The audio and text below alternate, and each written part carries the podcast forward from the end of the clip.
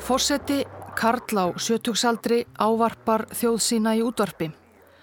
Hann er ekki stattur í hljóðveri heldur á skrifstofu sinni í höfuðborginni og sambandið við útvarpið er nær eina tenging hans við heiminn fyrir utan.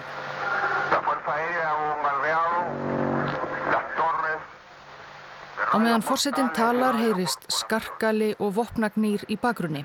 Það sveima orustu þotur yfir borginni.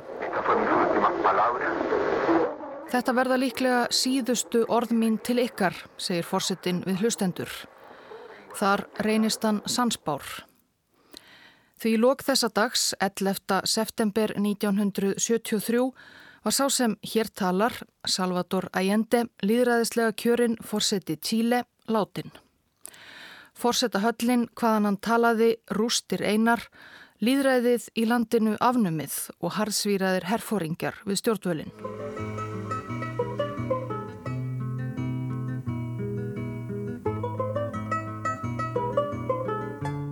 Tíle, landið aflanga á Kirrahafströnd söður Ameríku, það er 4300 kilometrar frá norðri til söðurs, en einungis 350 km breytt þar sem breyðast er. Tíle var upp úr miðri 20. stöld gerðnan nefnt eitt allra stöðugasta og líðræðislegasta land Rómunsku Ameríku. Vissulega glimtu Tílebúar þá við Ímis vandamál á þekk þeim sem plöguðu aðrar þjóðir í þessum heimsluta.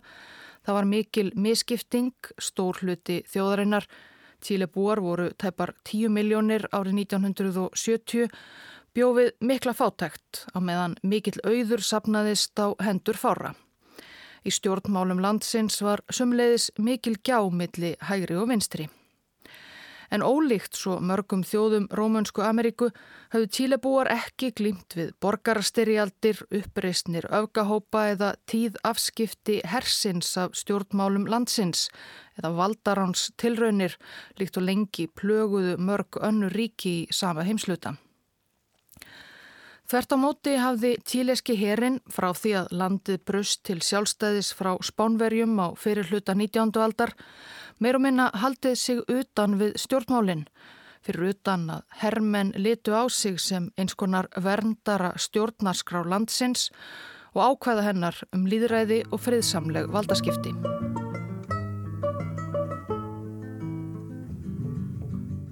Salvador Guillermo Allende Gossens fættist 27. júni árið 1908 í Santiago, höfuðborg Chile.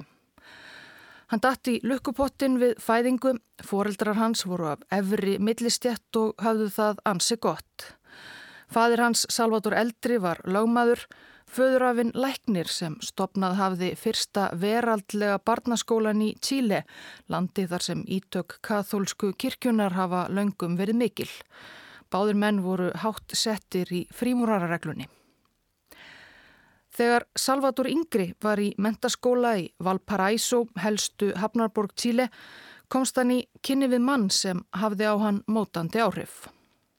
Þegar ég var strákur, 14-15 ára, Þá hjekki mikið eftir skóla á verstaðinu hjá skósmið í tölskum anarkista Juan de Marqui og hlustaði hann tala og skiptist á skoðunum við hann. Hann hafði mikil áhrif á mig. Hann var 60 eða 63 kannski og hafði ekkit á móti því að ræða við mig. Hann kendi mér að tepla, hann saði mig frá lífinu og tilverunni og hann lánaði mig bækur. Skósmiðurinn lánaði æjendi hinnum unga grundvallar ritt anarkisma og sósialisma og ekki leið á laungu þar til æjendi varð einarður marxisti. Hann las læknisfræði í Chile Háskóla í Santiago og var þar virkur í rótækri studentapólitík. Ekki dróð það úr honum þegar hann fór að starfa sem læknir og varð vitni að þeim fjölmörgu helsufarslegu vandamálum sem hrjáðu fátækasta hluta chilesku þjóðarinnar. En læknisferill Æjendes varð ekki langur því félags- og stjórnmál áttu hugan sallan. Hann var sósialisti en ákveðin frá byrjunni því að ná fram markmiðum stefnu sinnar með friðsamlegum og liðræðislegum hætti, að hætti tílebúa. 1933 tók Æjende, þá 25 ára gamall, þátt í stopnun deildar sósialistaflokks Tíle í Valparaiso borg og fjórum árum síðar var hann kjörinn fyrir flokkin í neðri deild tíleska þingsins. 1938 vann bandalag 5 vinstri flokka sigur í kostningum í Tíle. Ægende var einn af helstu liðtúum bandalagsins, ungur og kraftmikill og hann settist í kjölfærið í sæti heilbriðisráð þeirra í nýri ríkistjórn.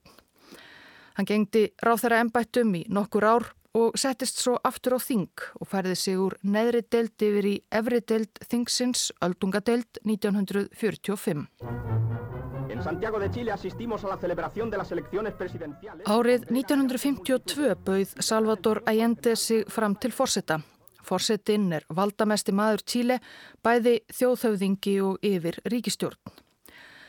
En í þessari fyrstu tilraun hafði Ægjendi ekki erindi sem erfiði, hann hlaut aðeins rúm 5% atkvæða. Í næstu kostningum 1958 gekk honum öllu betur.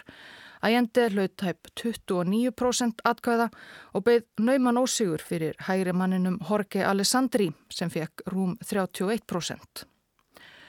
Og svo 1964, fórsetakostningar í Tíle voru þá á 6 ára fresti, Þegar ægjandi bauð sig fram í þriðja sinn hlutan heil 39% atkvæða en aftur næði það ekki til sigurs gegn Eduardo Frey, frambjóðanda miðju hægriflokksins kristilegra demokrata. Nálægt því, en þetta gekk samt svo illa eitthvað að ægjandi sjálfur var gert ná að grínast með að líklega yrði hann til æviloka næsti fórseti Tíle en kæmist aldrei sjálfan fórseta stólinn. Stuðningur jógst þó í hverri tilraun en mótframbjöðundur ægendes áttu sér líka uppluga bakkjarla.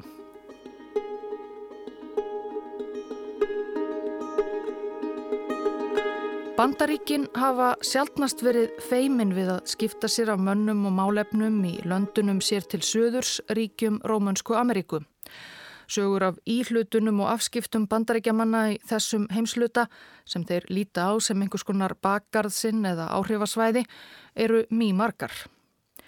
Tíle var þó á fyrstu árum kaldastriðsins eftir setni heimsturjöld ekki eitt af þeim löndum sem bandaríkjamenn lögðu mikla áherslu á að fylgjast með. Frækt er að Henry Kissinger, hinn mjög svo umdeldi utaríkismálaráðgjafi bandaríkjaforsetana Nixons og Fords, gerði eitt sinn lítið úr Tíle með því að uppnefna landið rýting sem vísar á Suðursköldslandið. Tíle var jú afskjagt og ekki sérlega fjölmönd. Bandaríkjumenn höfðu þó hagsmuna gæta í landinu. Nýrst í Tíle er Atacama eðimörkin. Hún er þurrasti staður jarðarinnar en jáframt auðug af ymsum málmum sýrila í kopar. Tíle hefur áratugum saman verið mesti koparframleðandi heims og kopar helsta útflutningsafurði ríkisins gríðarstór hluti hagkerfisins. Á sjönda áratug 20. aldar voru helstu koparnámurnar í Atacama í eigu tveggja bandarískra námafélaga Anaconda og Kennecott. En fyrir utan koparvinnsluna gáfu bandaríkin Tíle sem sé varla neitt sérstakann gaum á fyrstu árum kaldastriðsins. Það var allt fram til ársins 1958 þegar einungis 2% munaði að Salvador Allende yfirlýstur sósialisti inni sigur í fórsetakostningum. Sósialistar í Rómunsku Ameríku voru eitur í beinum bandarískra ráðamanna. Jáfnvel þóttir virtu líðræðið. Svo eitthvað varð að að gera.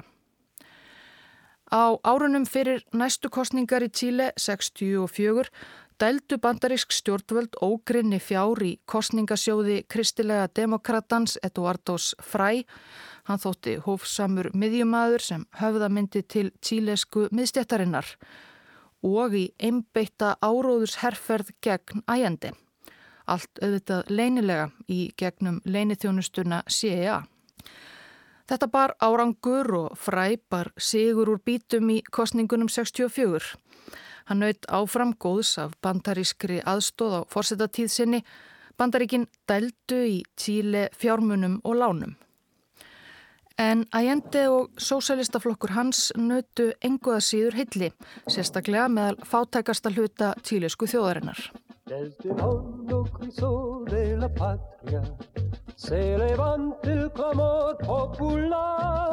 Fossetti Tíle mátti sangkvæmt stjórnarskrá ekki sitja tvö kjörtímabili rauð.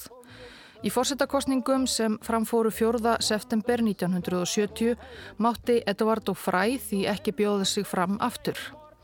Í stað hans var helsti keppinautur sósjalistans Allende's hægri maðurinn Jorge Alessandri sem hafði áður sigrað Allende nömlega 58. Í þetta sinn snerust hlutinir við. Þrátt fyrir áróðurs herrferð CIA höfðaði bóðskapur Allende sem að bæta hagina lægst settu til dágóðs hluta kjósenda. Úslitin urðu naumur Sigur Allendes, tæp 37% atkvæða á móti 35% um Alessandris, frambjöðandi kristilegra demokrata tók 28%.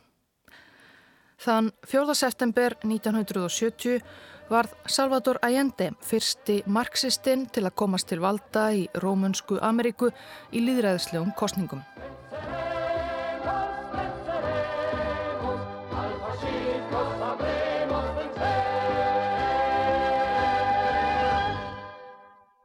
Í kvítahúsinu í Washington hafði Richard Nixon haldið til þarna í rúmt 1,5 ár. Hann var ekki aðdáandi hins nýkjörna tíleska kollega síns kallaði hann eitt sinn Son of a Bitch, Tíkarsson, á fundi með sendiherra bandaríkjana í Tíli.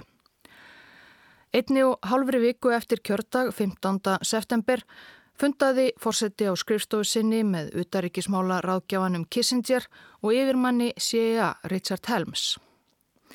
Sankvæmt minnispunktum Helms af fundinum gaf Nixon fundarmönnum skýr fyrirmæli um að bjarga Tíli eins og það var orðað með því að losna við líðræðislega kjörin leðtóa landsins æjandi, hreinlega steipa honum af stóli. Nixon hétt séja 10 miljónum dollara til verksins og velti meðal annars upp þeim möguleika að veikja æjandi með því að skada tíleska hagkerfið eða eins og Nixon sagði, láta hagkerfið öskra. Ciudadanas y ciudadanos de Santiago trabajadores de la patria, ustedes y solo ustedes. Salvador Allende flyttur stuðningsmönnum Sigur Ræðu sína að kvöldi kjördags 4. september. Þar sem hann fekk þó ekki hreinan meiri hluta atkvæða, tók hann ekki formlega við ennbætti fórsetta fyrir en meiri hluti á tíliska þinginu staðfesti kjörhans. Það var formsatriði, jafnan samþykti þingið þann frambjöðanda sem fekk flest atkvæði. Í reikfylltum bandarískum bakherbergjum veldu menn Nixons og CIA þó fyrir sér hvort hægt væri að koma í vekk fyrir staðfestingu æjandes. Fyrsta hugmyndin var í stórum dráttum að múta nægilega mörgum tíleskum þingmönnum til að staðfesta mótframbjöðandan Alessandri í staðinn Það væri svo hægt að tala hann til og fá hann til að segja strax af sér og í nýjum kostningum geti besti vinnur bandaríkjana Edvard og Fræ bóðið sig fram aftur. Það reyndist þó ekki raunhæft að reyna að múta svo miklum fjölda þingmanna. Næsta hugmynd var að hvetja leðtoga tíleiska hersins til að stíga inn í og svifta æjende völdum. Annað einsögðu herfóringjar í ýmsumlöndum Rómunsku Ameríku nú gert undan farin ár oftar en ekki með stuðningi eða velþóknun bandaríkjana. En æðsti yfirmaður landabla tíleska hersins, hersuðingin René Snæder, var diggur líðræðis og stjórnarskrársinni sem útilokað var að væri til í valdarán og myndi án efa koma í vekk fyrir að undirmenn sínir tæku þátt í slíku. Ákveði var síðla í september að taka Snæder út úr myndinni. CIA-menn lögðu á ráðin með vinnveittum tíleskum hersöðingja á eftirlaunum um að ræna snætir og láta hann í kjölfarið hverfa. CIA varði 50.000 dólarum í plottið. Tilraun til að ræna snætir úr herfóringjaveyslu í Santiago 19. oktober mistókst. Mannræningarnir mistu kjarkin á augustundu og önnur tilraun daginn eftir sumleiðis þegar verðandi ræningar festust í þungri umferð. Loksað morgni 22. oktober letur ræningarnir til skara skrýða í þriðja sinn. Þeir umkringdu bifreið Snæders á leið hans til vinnu en ekki fór nú betur en svo að Snæder var skotin þrísvar í brjóstið og lest í kjölfarið á sjúkarhósi. Algjört klúður sem sé. Nixon og Kissinger þurftu að hugsa þetta eitthvað betur. Og tveimur dögum síðar, 24. oktober 1970, staðfestu þingmenn á tíleska þinginu með afgerandi meirhluta kjör Salvadors Allende til fórsetta Tíli.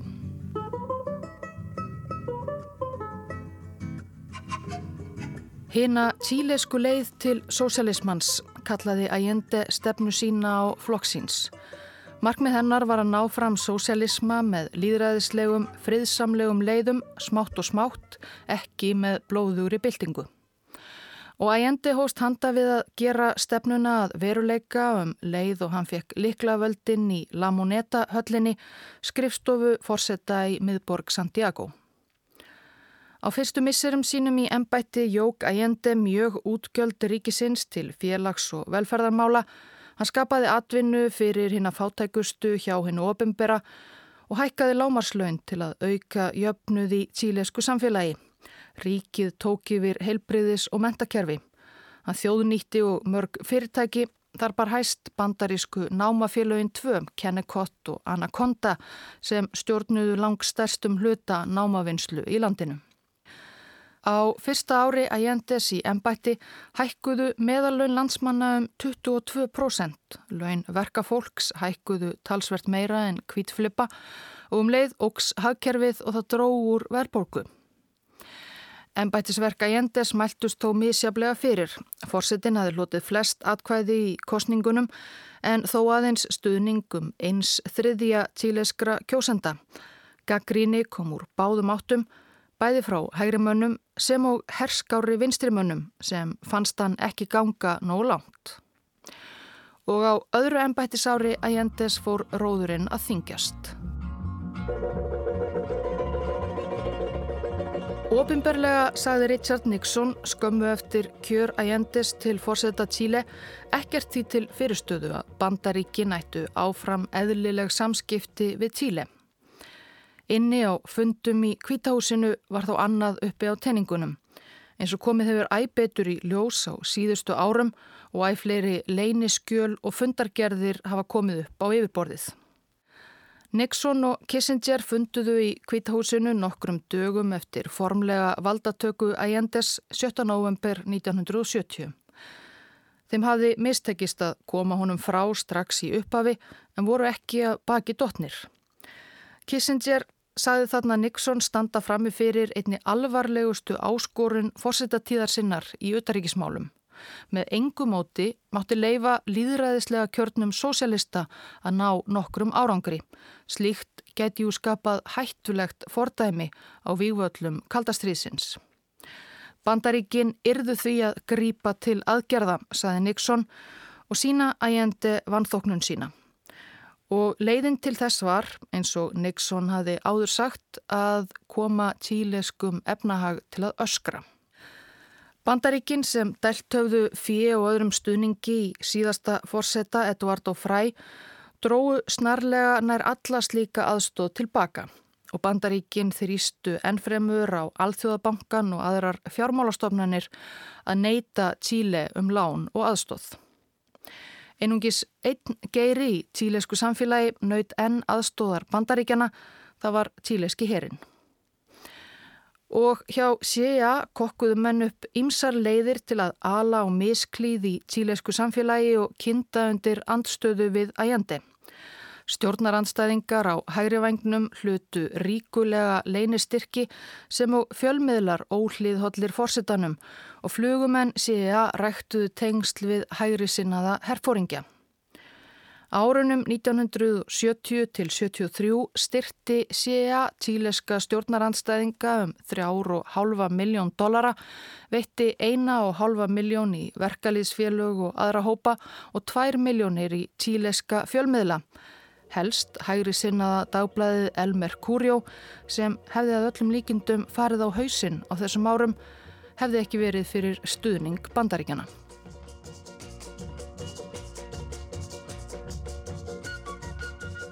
Deilt er um það enn í dag hver mikil áhrif þessar aðgerðir bandaríkjana höfðu á tíleskan efnahag á þessum árum. Sumir telja að þetta leynistríð bandaríkjana hafi endanlega komið í vekk fyrir að tíleska leiðin að sósialisma náði fram að ganga.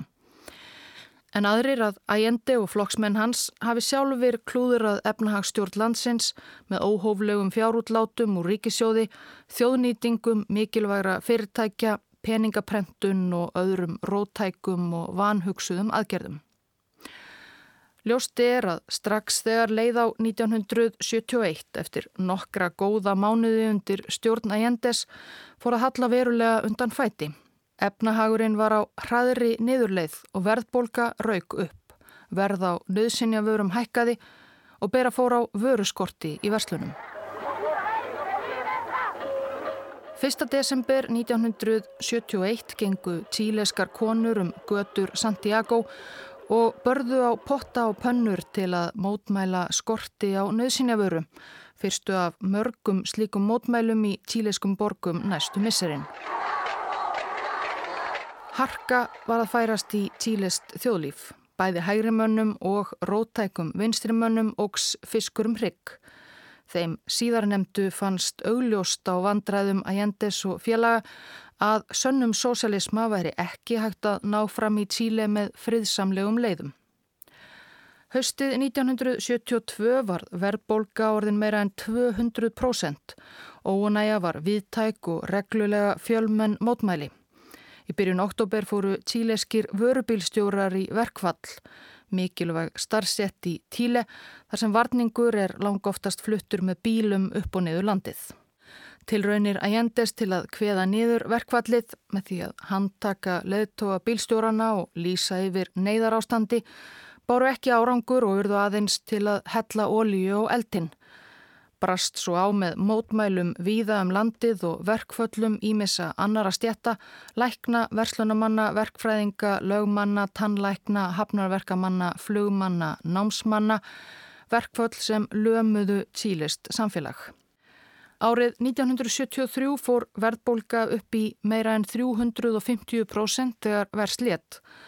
Ægjendi gekk ekkert að bæta efnahægin en helt þó áfram að vinna að rótækum samfélagsbreytingum sínum á ýmsum sviðum. Lítill samstarfsvilji var millir stjórnar og stjórnar andstöðu, gjáinn í tílesku samfélagi varð sífelt breyðari og ólgan í samfélaginu meiri. Á hægri vagnum var fólk farið að kalla eftir því að tíleski herin gripi inn í til að stilla til friðar í landinu, fyrst stjórnvöldum væri það greinilega um megn en enn vildi herin ekki stíga inn í. Ekki aðstu menn hans allavega. Einn valdamesti maður tíliska hersins var yfir maður landablans Carlos Prats. Hann hafði tekið við af René Snæder, hersauðingjanum sem týntaði lífi í vanhugsaðri mannráns tilraun að undirlægi bandaríkjana og Prats deildi skoðunum hans á mikilvægi þess að herin heldi sig frá stjórnmálasviðinu. Hann stutti að jendi og gengdi ráþherra ennbættum í stjórnhans, var einaríkis ráþherra og svo ráþherra varnarmála. En sumarið 73 fór einnig að verða ljóst að ekki deildu allir kollegar Prats skoðunum hans. Eitt dag í ágúst mættu eiginkonur herfóringja og mótumæltu hástöfum fyrir utan heimili Prats. Þetta var hersöðinganum mikill álitsnekkir og strax degi síðar saði Carlos Prats af sér sem bæði varnarmálar á þeirra og yfirmaður landabla tíleska hersins. Það var 23. ágúst 1973.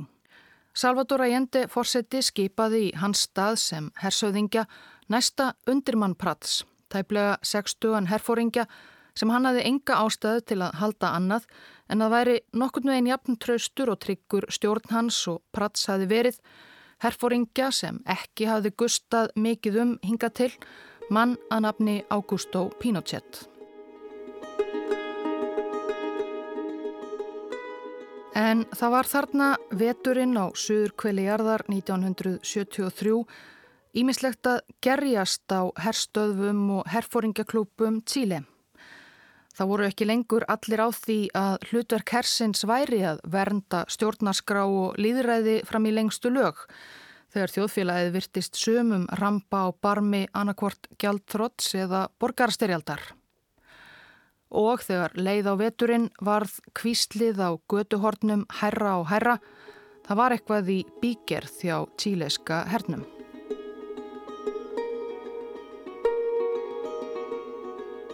11. september 1973 hófst sem hverannar virkur dagur í Santiago, höfuborg Chile. Það var þriðu dagur, myllt en nokkuð naburt. Það var ekki enn farið að vora af viti. Fólk streymdi til vinnu í miðborgina.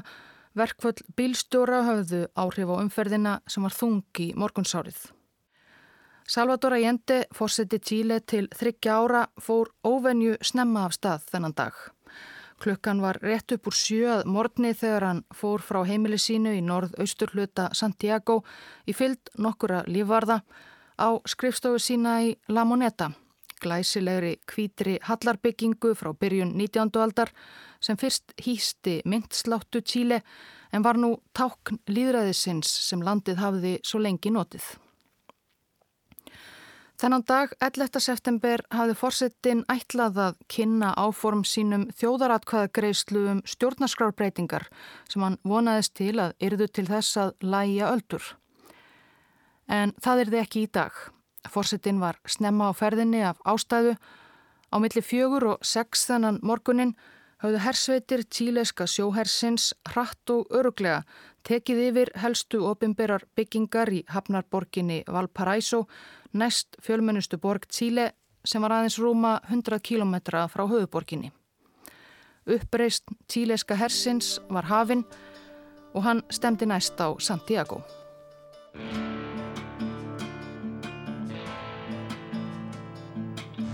Hago presente mi dissensión irrevocable de seguir defendiendo a Chile en su prestigio, en su tradición, en su norma... Ég lýsi því hér með yfir að það er minn einarði ásetningur að verja síle og sæmt þess, lög og stjórnarskrá. Ég mun berjast á hvern þann hátt sem ég get, jafnvel þó það kosti mér lífið. Af skrifstofu sinni var Allende með beina línu á nokkrar útvarstöðvar sem hlýðhóllar voru flokki hans. Skömmu fyrir átta ávarpaði hann þjóð sína í fyrsta sinn þennan morgun. Le salve el presidente de la república, desde el Palacio de la Moneda. Eh, la situación es un poco intranquila, pero tranquila. Um svipað leiti rapporterðu fréttamenn fyrir utan La Moneta að ástandið væri rólegt en mikil spenna í lofti.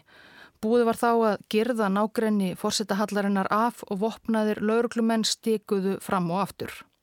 Fólk sem mættaði til vinnu í miðborginni skömmu áður var á leið heim aftur en samstarfsmenn fórsetans, ættingjar og vinir söpnuðu saman við hlið hans í La Moneta. Á skrifstofu sinni reyndi ægjendi ákaft að ná tali af leðtóum hersins. Það eina sem frést hafði frá Valparaiso var að þar hefði sjóherin einn verið að verki. Aðrar deildir hersins, trúði ægjendi og tristi, tóku ekki þátt í uppreysninni. Hann reyndi sérstaklega að ná sambandi við nýskipaðan yfirmann landhersins sem hann var svo vissum að veri sinn maður. En hann fann hverki Augusto Pinochet.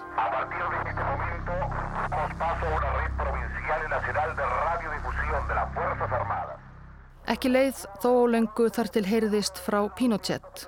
Í útvarpinu var lesin yfirlýsing.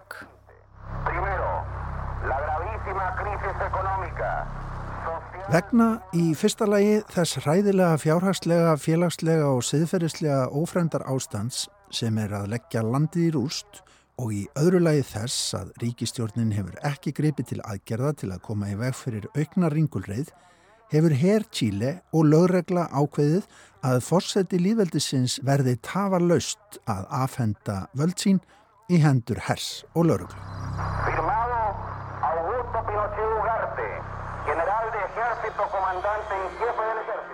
Og undir yfirlýsinguna ritaði fyrstur yfirmaður landabla tíleska hersins Augusto Pinochet.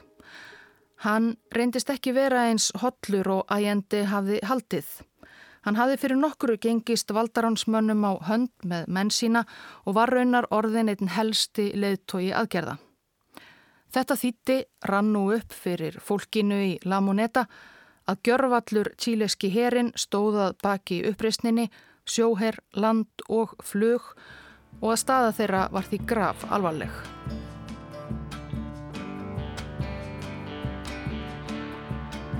Valdaránsaðgerðum var að hluta til stjórnað úr varnarmálaráðuneyti Tíle í fimminótna göngufjarlagð frá La Moneta.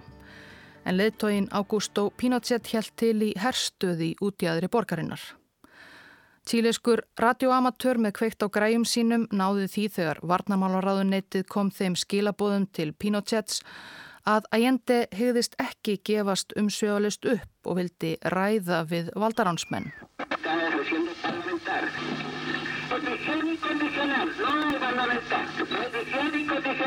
Engar viðræður þrjumaði Pinochet bara skilirðislausa uppgjöf.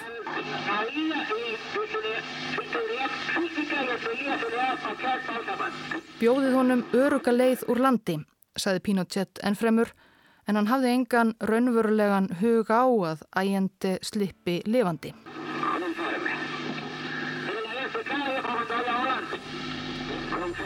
Og svo tekur fljóvelinans bara dífu, bætti hann við og viðmælandi hans í ráðuneytinu hló. Ægjendi hafnaði svo auðvitað bóði herfóringjana um að flýja land, farið í raskat, mun hann hafa sagt.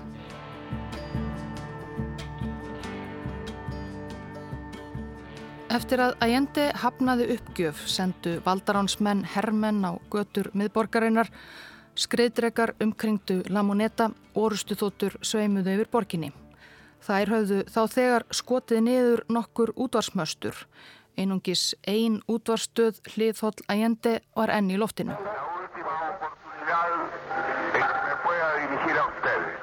Félagar, þetta verður áræðanlega síðasta tækifæri mitt til að ávarpa ykkur. Herin hefur varpað sprengjum á Senda, Radio Portales og Radio Corporation. Áræðanlega verður þakka niður í þessari. Rett upp úr nýju ávarpaði ægjendi þjóðsína í útvarstöð tíleska kommunistaflokksins og hann var nokkuð vissum að þetta yrði hans síðasta ræða. Verkamenn landsmýns. Ég hef trú á síli og örlögum þess.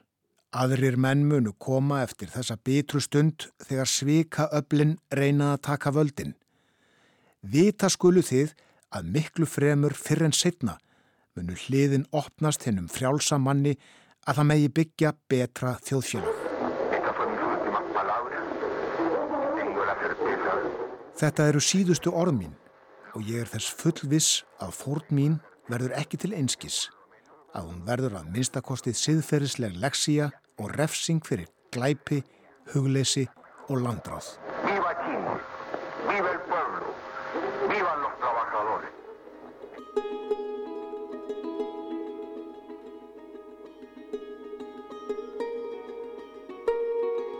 Hafandi kvart þjóð sína tók Allende Kalasnikov riffilsinn í hönd, Fidel Castro hafi gefið honum vopnið einhverju áður og tók sér stöðu með lífvörðum sínum til að verja fórsetahöllina.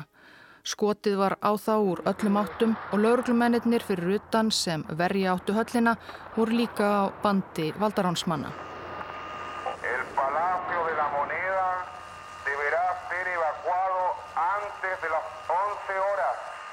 de las 11 horas. De lo contrario será atacado por la Fuerza Aérea de Chile. Nokkru síðar bárust þau skilabóð frá hernum að La Moneta höll yrði að rýma fyrir klukkan 11. Ellegar myndu þotur flughersins ráðast til allugu. Þá bað Allende fórseti stuðningsfólk sitt í höllinni að fara. Þau vildu fæst yfirgefa fórsetan á augur stundu en hann fekk það að lokum fram að allar konutnar í höllinni færu. Þeirra á meðal voru tvær uppkomnar dætur hans, önnur þeirra kominn sjö mánuði á leið. Æjandi fylgdi þeim til dyra og kvatti.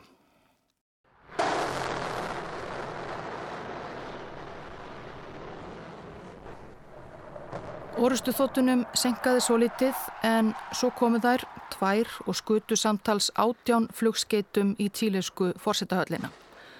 Þótt ótrúlegt megi virðast sakaði engan af þeim sem enn voru inni í byggingunni alvarlega en fljótt kviknaði mikið bál.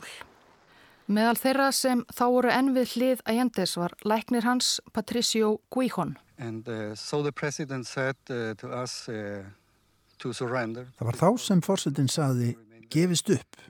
Þetta verður blóðbað. Við deyjum allir. Lífverðir og samverkamenn Ayendes lögðu niður vopn sín og gengu í áttað útidyrunum. Sá sem fremst fór helt upp í kvítum læknasloppi Guíhons sem merki um uppgjöf. Allende saðist fara síðastur út. Læknirinn áttaði sig á því þegar hann var næstum komin út að hann hafi glemt gasgrímunni sinni. Hann stökk af stað afturinn í brennandi bygginguna þá tók hann eftir því að dyr sem rétt áður hafðu verið lokaðar stóðu nú opnar. Þetta var stór stofa og læknirinn sá aftan á æjendi sem satt þar í stórum hægjendastól. Og rétt sem læknirinn leitinn heyrði hann kvell og höfuðið á fórseta Tíle splundraðist fyrir augunum á honum. Ég fór til hans og þótt að hafi verið fáránlegt tók ég púlsin á honum, ósálráð viðbröð læknis, en auðvitað var fórsetin látin.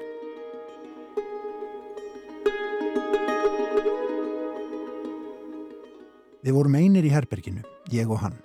Ég vottaði honum virðingu mína. Hafði aldrei fengið almennilegt tækifæri til þess meðan hann lifði svo ég gerði það að hann blátnum.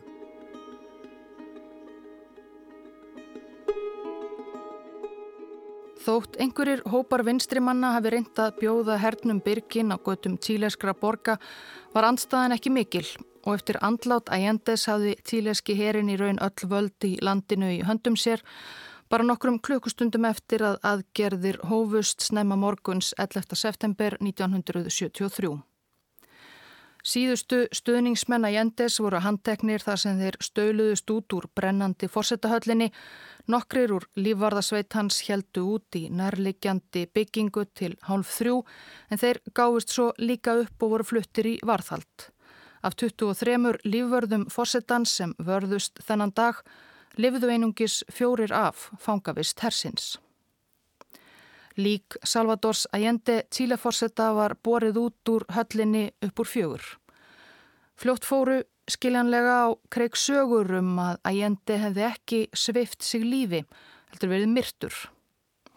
Það varð lífsegkenning sem í raun lifir enn í dag, þótt lík Allendes hafi verið grafið upp 2011 og niðurstaða rannsakenda að hann hefði vissulega skotið sig í höfuðið með eigin rifli gjöfinni frá Fidel Castro. Mörg hundruð manns, stuðningsfólk Ayendes og vinstrimenn voru handtekinn þennan fyrsta dag herfóringastjórnar í Tíle. Og það var bara byrjunin. Pinochet og herfóringarnir sem nú tóku sér allræðisvaldi í landinu áttu eftir að stjórna með ógnarvaldi næstu árin. Tugþúsindir voru handtekinn fyrir raunvurulegt eða meint andof og mörg þeirra pintuð hróttalega í fangelsum herfóringastjórnarinnar við svegarum Tíle. Þúsundir lifðu ekki af pintingarnar og fangelsisvistina voru tekin af lífi eða hreinlega látin hverfa. Ekki gefst tími í að fara nánar í þann hrylling hér að sinni. Richard Nixon, bandaríkjafósetti, viður kendi snarlega ný stjórnvöld í Chile og stutti þau síðan diggilega sem og eftirmaður hans í ennbætti Gerald Ford. Enn er margt á huldu um aðkomu bandaríkjamanna að valdaráninu og enn er margt í bandarískum skjalageimslum há leinilegt. Ljóst er þó að þetta var um það byl nákvæmlega það sem Nixon, Kissinger og kona þeirra langaði að yrðu málalokk í Chile. Bandaríkin höfðu unnið gegnægjandi stutt tíleska herin og leini þjónustan séja rækta tengsl við einstaka vinnveitta herfóringja. Og ljóst er einnig að bandaríkjamenn vissu af því að Valdarán væri í uppsiglingu nokkru áður en það hófst. Augusto Pinochet hersöðingi var við völd í Tíle næstu 17 árin til 1990. Þá völdu Tíle búar í þjóðaratkvæðagreislu að snúa aftur til liðræðis. Thank